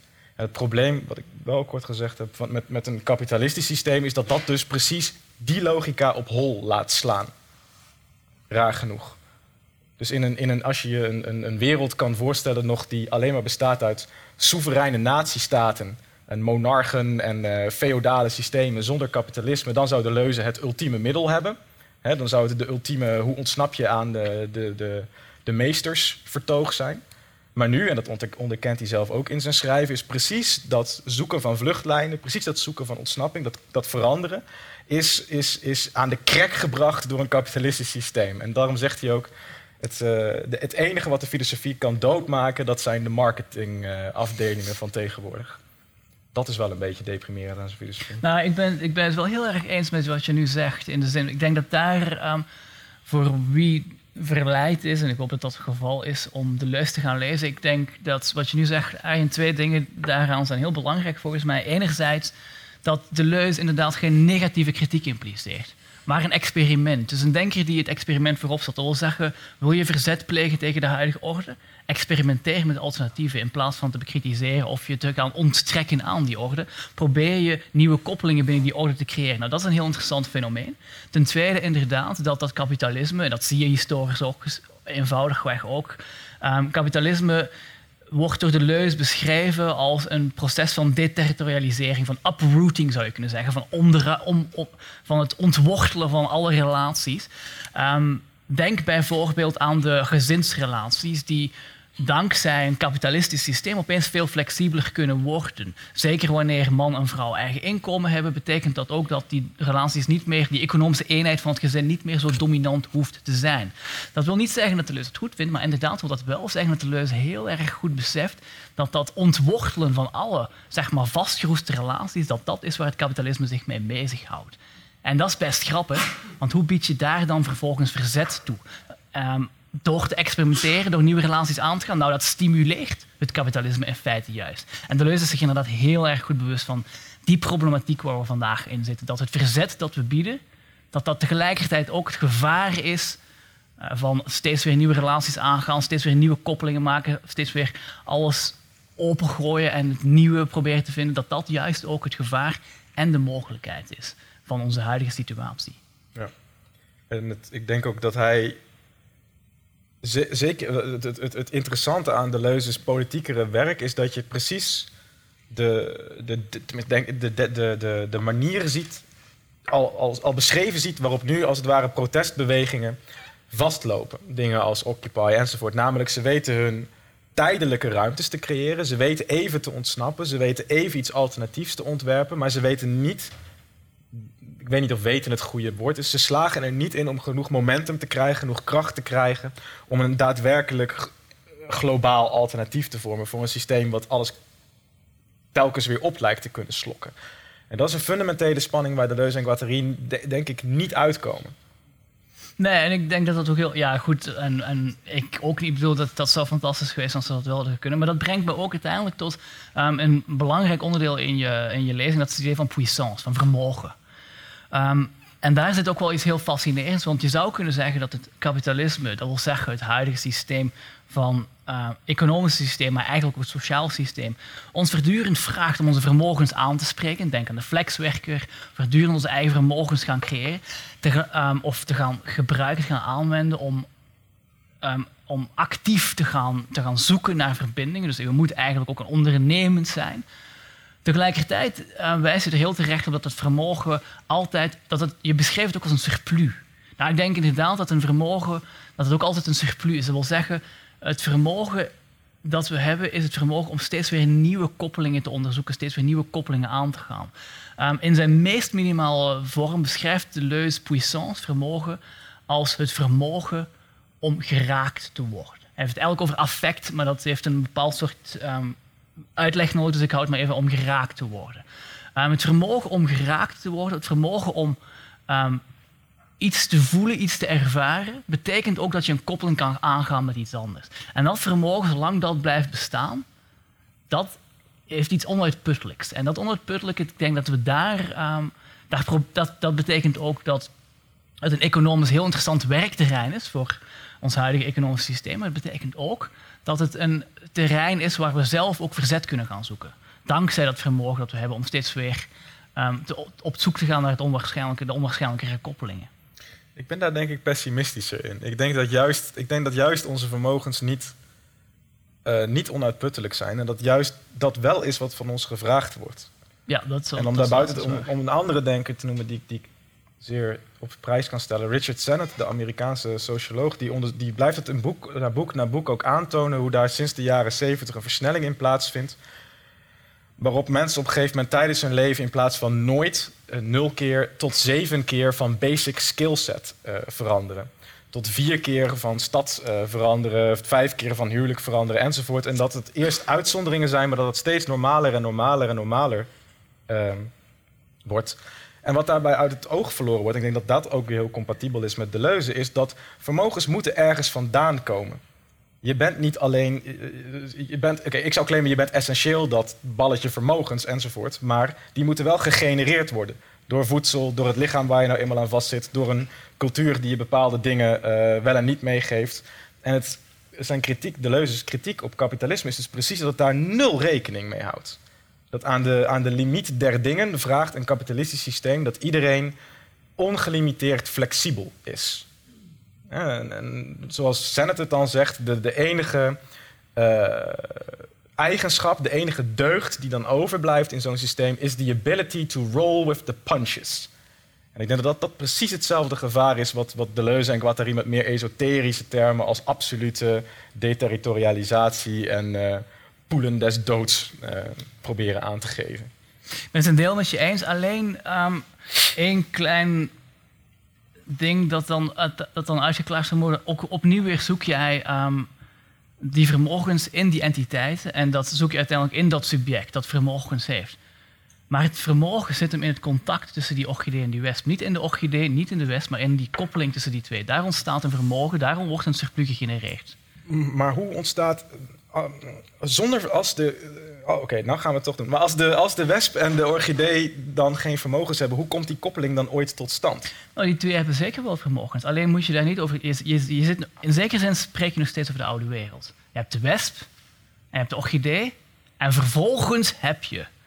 Maar in je eigen lezing ben je daar best wel ambigu over. Want je zegt, nou, elk ding heeft een realiteit, elk ding is reëel, hoe kortstondig ook. En je suggereert zelfs in de lijn van het meer speculatieve realisme dat elk deel evenwaardig, um, evenwaardig realiteit is, heeft. Maar als dat zo is, waarom heb je, heb je dan nu toch nog de neiging om te zeggen, ja, eerst is er de wesp en er is de orchidee, en dan vervolgens is er die koppeling. Is die koppeling tussen die twee dan niet evenwaardig, die entiteit? Ja, maar dat iets temporeel later komt, betekent niet dat het metafysisch minder waardig is. Nee, maar je zegt wel dat het vermogen in die eerste twee dingen te vinden is. Ja, maar dat zodra ze zich koppelen, er weer een derde entiteit is die op zijn beurt ook weer zijn eigen vermogens heeft. Tuurlijk, ja, nee, dat, dat, dat nou, dat, nee, dat, kan ik, dat kan ik met je vinden. Maar dan is er dus geen meerwaarde. En dat wil ook zeggen dat het geen zin meer heeft om te zeggen: Nou, we hebben subjecten die zich moeten in een rat race moeten vasthouden. Want zo werkt dat volgens mij helemaal niet bij de leus. Ik denk dat, dat, dat je nog veel te zeer op, die, um, op dat objectgerichte, entiteitgerichte zit. En dat zie ik in de leus zijn werk helemaal niet terug. Ik zie echt voornamelijk agencements. Ik zie plooien. Ik zie bewegingen. Ik zie woorden. Ik zie geen entiteiten. Behalve tijdelijk, sclerosering eventueel. Ik zie, ik zie zeer ik zie machineringen veel meer dan machines, hoewel het natuurlijk over machines heeft. Maar ik zie veel meer machineringen, zoals je zelf ook zegt, dan machines. Ja, dat, dan, dan zijn we het daarover met elkaar oneens, maar dat, uh, dat kan gebeuren. Misschien is het een mooi moment anders om te, aan de zaal te vragen wat zij zien in alles. De derde interpretatie. De derde, alles ja. We gaan nu deze beweging maken. Uh, er zijn microfoons. Wacht graag tot die er zijn. Ik begin bij jou. Zo. Zo. Ja, daar komt de microfoon aan.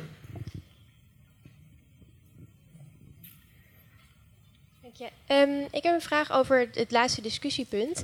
Um, is het ook niet een kwestie van het niveau waarop je kijkt? Want ik kan me voorstellen dat de wesp aan zich weer een assemblage is van andere onderdelen. Ja, en dat de wesp en de orchidee samen weer onderdeel zijn van bijvoorbeeld een ecosysteem, wat je dan ook weer als een entiteit. Dus Absoluut. Ze, hebben je het niet gewoon over verschillende niveaus, maar dat het uiteindelijk wel op dezelfde manier werkt? Dat klopt, maar dan wil dat nog volgens mij nog steeds zeggen dat die, dat die puissance, dat vermogen, is net zozeer te vinden in de koppelingen die gegenereerd worden door dat ecosysteem. Dus, dus het punt is dat ik denk, vermoed, maar ik weet niet zeker of ik daarin gelijk heb. Ik, bedoel, ik heb de boek niet bij de hand gezet. Ik vermoed dat die puissance, dat dat vermogen bij de leus, dat wat, de leus zo belangrijk vindt, en daar wijs je terecht op Arjen, dat dat vermogen juist het vermogen is dat ontstaat in die koppelingen en dat die tegelijkertijd die koppelingen mogelijk maakt. Dat is een beetje paradoxaal.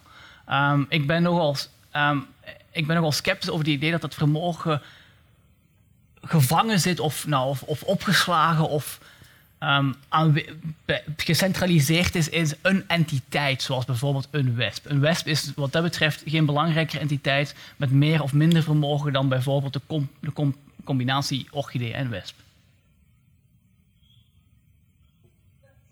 Oh, ja, daar, ik, dan, ik, ga proberen, de, de, de, ik ben het met je eens, uh, maar jij bent mijn zus, dus ik heb je vaker dit verteld. dus, dus, in zekere zin uh, is hier sprake van partijdigheid. Dus laten we het daarbij houden. Ja, jeetje. Ja. ja, de microfoon komt eraan. Wacht heel even, daar is hij. Ja, ik ben je broer niet, maar... Uh, ik ben het wel... Uh... Misschien een oom die ik niet ken. ja, je weet, je weet het nooit. Wat voor koppelingen er allemaal mogelijk zijn. Uh, maar ik ben het wel meer met Arjen eens dan uh, met uh, de andere discussiepartner. Ehm, ja, waarom? Omdat Arjen toch meer gewoon benoemt de onderdelen waaruit een machine bestaat.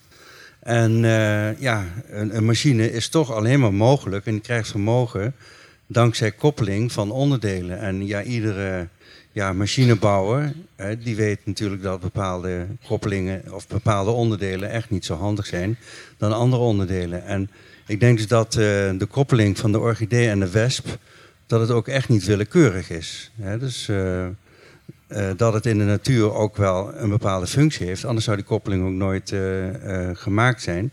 Maar dat Arjen dat toch wel duidelijk benoemt als onderdelen. Dus, en het is misschien toch meer een, een ander niveau van functioneren, hè, dus van de onderdelen. Maar ja, die worden wel samen dan een, een machine ja, ik vind het wel met een bepaald vermogen. Eh, om dan te vragen, want het woord machine, ik moet zeggen dat, ik, eh, dat ik zelf, u, u, u legt met behulp van die metafoor van alles uit, maar waarom, waarom kiest de leuze eigenlijk voor de metafoor machine? Omdat het, het, het uh, als, ik, als ik naar jullie luister, komt het mij veel uh, organischer voor uh, dan dat. Dus wa wa waarom? Ik denk dat we op dat punt helemaal het met elkaar eens zullen zijn. Deleuze probeert cliché-jargon uit de geschiedenis van de filosofie uh, te vermijden. Dus hij zal niet praten over object. Waarom? Omdat de geschiedenis van de filosofie leert je, dus dat, die, die implicatie, die associatie, die komt dan mee. Een object is iets dat gezien of aangeraakt wordt door een subject. Uh, hij kiest niet voor ding. Waarom? Omdat dingen in de geschiedenis van de filosofie zijn passieve zaken die zelf, waar geen activiteit aan, kleeft. En zo zouden we kunnen doorgaan. Hij kiest ook geen substantie, geen enzovoort. Allemaal om, um, om, uh, uh, om al die clichés te vermijden. En die clichés wil hij vermijden omdat, al die, omdat object is altijd een representatie door een subject. Een substantie is altijd iets eeuwigs en stabiels. Een uh, ding is altijd iets wat zich, tussen, wat zich ontvouwt tussen de wereld en de mens. Dus dat gaat altijd over andere soorten zaken dan dat de leuze probeert te, te, te duiden. En of het nou voor mij om machines of voor jou om machineren gaat, ik denk dat we op dit punt uh, volledig het eens zullen zijn over dat het een manier is om zich af te zetten tegen andere filosofische dus bepaalde systemen. associaties moet je niet hebben, want ja, aan het woord object of ding kleven al bepaalde associaties die we niet hebben. Ja. Dus kies die voor iets anders, machine. Tegelijkertijd denk ik dat um, wanneer je het over machine hebt, over machinering, dan, um, en zeker ook met machine, dan heb je het sowieso over meerdere dingen tegelijkertijd. Je hebt het niet over een subject of over een object dat een eenheid impliceert. Ja. Het er, bevat, er zit een bepaald soort meervoudigheid in de machine. Dus de machine bestaat altijd uit meerdere onderdelen. Ja. Um, is meer dan zijn onderdeel, zoals Arjen ook zei, maar bestaat uit meerdere onderdelen. Nou, dat is iets wat relatief nieuw is in de filosofie. in plaats van te zoeken naar een soort van eenheid die alles begrondt, vertrekt de leus vanuit een multipliciteit, een meervoudigheid. En een machine is een goede manier om dat vrij helder en systematisch voortdurend um, je lezer aan te herinneren. Ik denk dat dat er zeker mee te maken heeft. Ja. ja. Verklaart dat misschien ook de verwarring omtrent zijn denken? Omdat hij dus allemaal begrippen gebruikt die uh, nieuw zijn? Ik, het, is, het is een cliché in de leuze scholarship om boeken te beginnen of af te sluiten. Ja, maar we weten eigenlijk niet wat de leuze filosofie is. En wat jij aan het begin zei, is denk ik heel belangrijk. Die, de, de Leuze kiest zo vaak nieuwe concepten, nieuw jargon, nieuwe uh, uh, manieren van doen en schrijven, dat dat, dat, dat, dat gewoon een super complexe vraag is. En die hele 10.000 pagina's consequent doorwerken, dat, dat, dat, dat, ja, dat laat nog wel een tijdje op zich wachten. Ja. Even kijken. Frank heeft al een hele tijd zijn hand. Ja. Mag ik de microfoon uh, hier naar voren hebben? Deze meneer hier vooraan, toch? Nou ja, ja. Nee, ja ik dacht dat Frank de eerste was. Oh, sorry. Uh, sorry. Doen we ik kijk helemaal nou, om je heen. Ja. Mijn vraag was inderdaad, wat moeten we nu doen? Het, het, is vooral een beschrijven van wat er is en hoe het is. En uh -huh. wat zegt de leus over wat we moeten doen? Moeten? Moeten doen? Wat, mag, wat bedoelt u met wat we nee, moeten doen? En waaraan? Nou, ik, ik, ik beluister niets over. over nou, ik denk dat ik wil, u, u, wat u bedoelt is: um, de filosofen hebben de wereld geïnterpreteerd. Het komt er een paar om te veranderen. En wat ja. is het de, de Lusiaanse antwoord op dat soort of, vragen? Of Kantiaanse zeggen: wat, wat mogen we hopen? Wat mogen we hopen, inderdaad. ja. ja. Um, in Antioediep, uh, ik hou het daarbij, want dat het meeste wat ik heb gedaan, trek ik daaruit. Het, het laatste hoofdstuk daarvan staat... Uh, uit wat wij hebben geschreven kunt u geen politiek programma trekken. Er kan wel iets uit resulteren wat ze schizoanalyse noemen. Los van dat woord, daar ga ik niet op in. Daarmee bedoelen zij uh, het per situatie onderzoeken... in welke machines mensen zitten... welke ze eventueel ziek en gezond maken... en daar veranderingen aan proberen te brengen.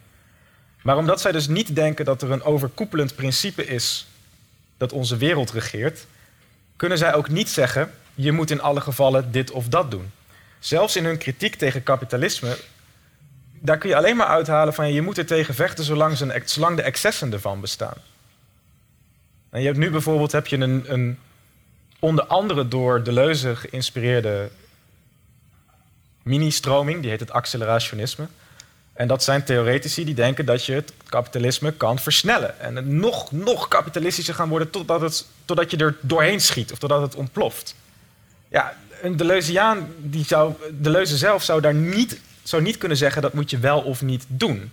Die zou alleen kunnen zeggen, je kan het experiment aangaan als je denkt dat je daardoor in een betere situatie terechtkomt. Maar er, zijn er is geen garantie. En nou ja, mijn eigen antwoord op zijn, wat moeten we doen? We ik, ik kan je niet vertellen, de leus kan je volgens mij ook niet vertellen wat we moeten doen. Maar um, wanneer je nou straks naar huis gaat of de komende dagen en je gaat actief onderzoeken in welke koppelingen, machineringen, agencement die je handelen beïnvloeden, die je handelingen begeleiden, je precies zit, dan ga je volgens mij tot de conclusie komen dat je fucking burgerlijk bent. Um, en ik vind het dus ook helemaal niet zo vreemd dat de leus zijn studenten massaal aan de drugs gingen en dat soort dingen. En ik vind het ook helemaal niet per se een slecht idee. Um, ik, probeer, ik propageer hier geen LSD-trips of iets dergelijks. Maar let wel, het huwelijk bijvoorbeeld, nu ben ik zelf trouwens ook getrouwd, ehm, is weer is een van die agencements die talloze mogelijkheden hebben die nog onbenut zijn, die wij in onze gangbare manier van doen niet exploreren. Maar een ander voorbeeld daarvan is, met z'n allen gaan we ervan uit dat het academische discours acceptabel en overtuigend is. Verdiep je eens een tijdje in shamanisme bijvoorbeeld. Het loont de moeite. Neem dat van mij en van de leus aan. En dan ga je opeens zien van, hé, hey, weet je wat? Er zijn veel meer manieren om je te verhouden tot de wereld mogelijk dan de manieren die wij nu hebben. Dat is natuurlijk een cliché, en de leus vertegenwoordigt, en zeker in die 60-generatie. Ik denk echter wel dat daar nog heel veel bij te winnen valt. We zijn veel bekrompener dan we zelf denken. Oké, ja, ja, nu zeker. En dan kom ik daarna bij jou. Ja. ja, ik, ik, hou het vrij kort, maar ik ben maar een simpel analytisch filosoof. En ik vind het natuurlijk fantastisch om te zien dat zo'n man die zo'n ambigu begrippenapparaat gebruikt, dat men niet eens weet wat hij zegt en dat dat dan kennelijk een cliché geworden is, toch nog interessant bevonden wordt uh, en de moeite van het bespreken waard. Uh, maar toch heb ik uh, iets interessants gehoord vanavond. want ik ben het erg eens met de analyse dat je moet oppassen niet dingen of, of mensen te identificeren met de activiteiten die zij ondernemen. Dus ik ben geen Nederlander, ik Nederland. Een mhm. bal is ook niet rollen, een bal kan rollen. Maar nu komen we op dat punt waar Arjen en Bram van mening verschillen. Uh, Arjen zegt, ja nee, je moet dus een bal niet identificeren met rollen, maar met het vermogen om te rollen. Ja. Uh, en dus er is, een, een, er is er is ook een extra entiteit, een ding dat kan rollen. En als er twee ballen om elkaar heen draaien of zo, of er zijn een wesp en een orchidee, dan zijn niet alleen de wesp en de orchidee, maar ook het systeem samen. Dus er is toch een activiteit die gereificeerd wordt of zo, tot weer een nieuw bundeltje vermogens. En Arjen, ik begrijp niet precies of jij nou zegt dat de, de bundel vermogens de entiteit definieert, of dat de entiteit iets is dat die vermogens heeft. Is daar nog een onderscheid tussen? Nee. En ja, ik ga het uitleggen. Nee, uh, en om daar, om daar, om daar uh, uh, ik ben daar, daar vrij exegetisch in. Deleuze definieert vanuit zijn, vanaf zijn eerste werk, Difference Repetition, zal hij altijd zeggen: être, c'est avoir. dus being is having. Dus wat je bent, is wat je hebt. Wat je hebt, is die vermogens. Later vervangt hij dat constant door de slogan dat, dat je een lichaam definieert in termen van wat het kan. En wij weten dus nooit wat een lichaam kan doen, blijft hij herhalen, omdat we, ten eerste als Bram veel aangeeft, constant vermengde lichamen hebben. Maar, vooral ook, maar ook omdat dus de, de puissance van een lichaam is niet hetzelfde als hoe het in relaties treedt. Dus het lopen en het vermogen om te lopen is niet hetzelfde. Dus de definitie die denk ik uh, vanuit de leuze zal volgen. Je hebt een een entiteit, een lichaam, een corps. Hij noemt dat corps sans orgaan, omdat het ook hè, buiten relaties, zonder zijn organen staat. En dat wordt gedefinieerd door wat het op een bepaalde manier, door zijn contacten met andere, andere zaken, kan of niet kan. Later meer. ja, en dan uh, heeft u de laatste vraag. Oh, ja. Uh, ik had nog een vraag. Uh, als. Even kijken hoor, want ik, was, ik had er niet op gerekend. Oké. Okay, um, ehm, ik heb, ik, als ik het goed begrijp, um, is de orchidee, laat ik even de orchidee en de wesp nemen. Uh, kan je de orchidee en de wesp eigenlijk nooit meer uh, reductionistisch lezen of zien of begrijpen. Betekent dat ook het einde of de dood van een orchidee of een wesp? Of, uh, of in het geval van het huwelijk? Of uh, blijft, blijven die concepten altijd uh, min of meer bestaan in, in, zijn eigen, in hun eigen, ja, moet ik dat zeggen, uh, in hun eigen geschiedenis? Bedoelt u de vergelijking tussen de zaak zelf ja? en het concept ervan? Nu ga je te ver. Nu, nu moet je Dan begrijp ik de vraag denk ik niet zo goed. Uh, nog een keer. Uh, als je zegt dat een wesp en een orchidee niet meer te reduceren zijn, hè? Mm -hmm. dus met andere woorden, ze, ze, ze, hebben een eindig bestaan, ze, ze, ze, bestaan elke keer op een andere manier. Mm -hmm. betekent dat dan, um, of, of het huwelijk, betekent dat dan dat ze, dat ze ook als, als, als begrip dus nooit meer te reduceren zijn tot het object? Mm -hmm. Of zijn er verschillende kleine concepten, uh, kleine uh, verschillen tussen orchidee of wesp en in, in welke hoedanigheid ze verschijnen. Ja, um, als ik als ik denk dat ik het goed Ja? begrijp, Ja? heb, ik, Ja. heb ik een tweeledig antwoord. Eh, het eerste antwoord is dus, dus als, je, als je zou vragen van... eh, bestaat er zoiets als orchideeën of bestaan er alleen Ja. individuele dingetjes? Ja. Deleuze gaat het naarmate zijn... eh, eh, zeker in, anti, in, in, in Plateau en Antioediep heeft hij het over statistische eh aggregaten. Ehm, en dus zodra entiteiten steeds in dezelfde omgeving terechtkomen, in dezelfde agencement, in dezelfde regelingen, in dezelfde situaties, hoe je het ook wil noemen, heb je de mogelijkheid dat er gewoon steeds hetzelfde spul geproduceerd wordt onder druk van alle andere entiteiten die daar, alle andere zaken, alle andere gebeurtenissen die daar gaande zijn. Dus eh, wat onze concepten uitdrukken, eh, zijn gemiddelden. Dat, is banaal, dat is banaal gezegd, maar eh, dit is iets waar mensen die bezig zijn met het benoemen van soorten constant mee bezig zijn. Een, recent bekend voorbeeld in Noord-Amerika zijn er nu crossbreeds tussen coyotes, wolven en honden. Tussen die drie. En ze noemen het de kooiwolf. En normaal wordt er niet zoveel aandacht aan besteed, maar nu zijn er opeens 10 miljoen. En er is een, is echt waar. En er, zijn, er is een gigantische schoolstrijd nu onder twee biologen. Maar nee, dat, is- dat is flauw. Van is dat een nieuwe soort of niet? Is het een hond? Is het een wolf? Is dit eh, echt of niet? En je hoeft geen Deleuziaan te zijn om te zien dat de grenzen van onze concepten, die zijn dus fuzzy. En ik denk dat, dat, dat, dat Deleuze wel een denker is die daar heel eh, compatibel mee is. Omdat hij dus zal zeggen van onze concepten zijn concepten bij benadering. En niet messcherpe eh, verdelingen van het dierenrijk. Maar laten we wel wezen, wie gebruikt er nou eigenlijk concepten? Behalve dat, serieus, behalve dat zielige diertje dat de mens is, begrijp, gebruikt werkelijk niemand in het universum concepten hoor. Ik bedoel, dat is heel prettig, maar dus überhaupt die afbakeningen, nou, die zijn heel boeiend en heel interessant voor ons om te penetreren in onze wereld, om op die manier in onze wereld te duiken. Maar dat interesseert die wesp niet. Maar helpt het ons? Ik denk dat het ons helpt om te realiseren dat de concepten slechts voor ons zijn. Maar goed, dat is weer iets anders. En niet in de dingen. Het zit niet in het ding, Het zit nee. niet in de dingen. Nee. En wanneer, Ja. Ja? Ja, ja dat, is wel, dat is wel. Ja. Ja.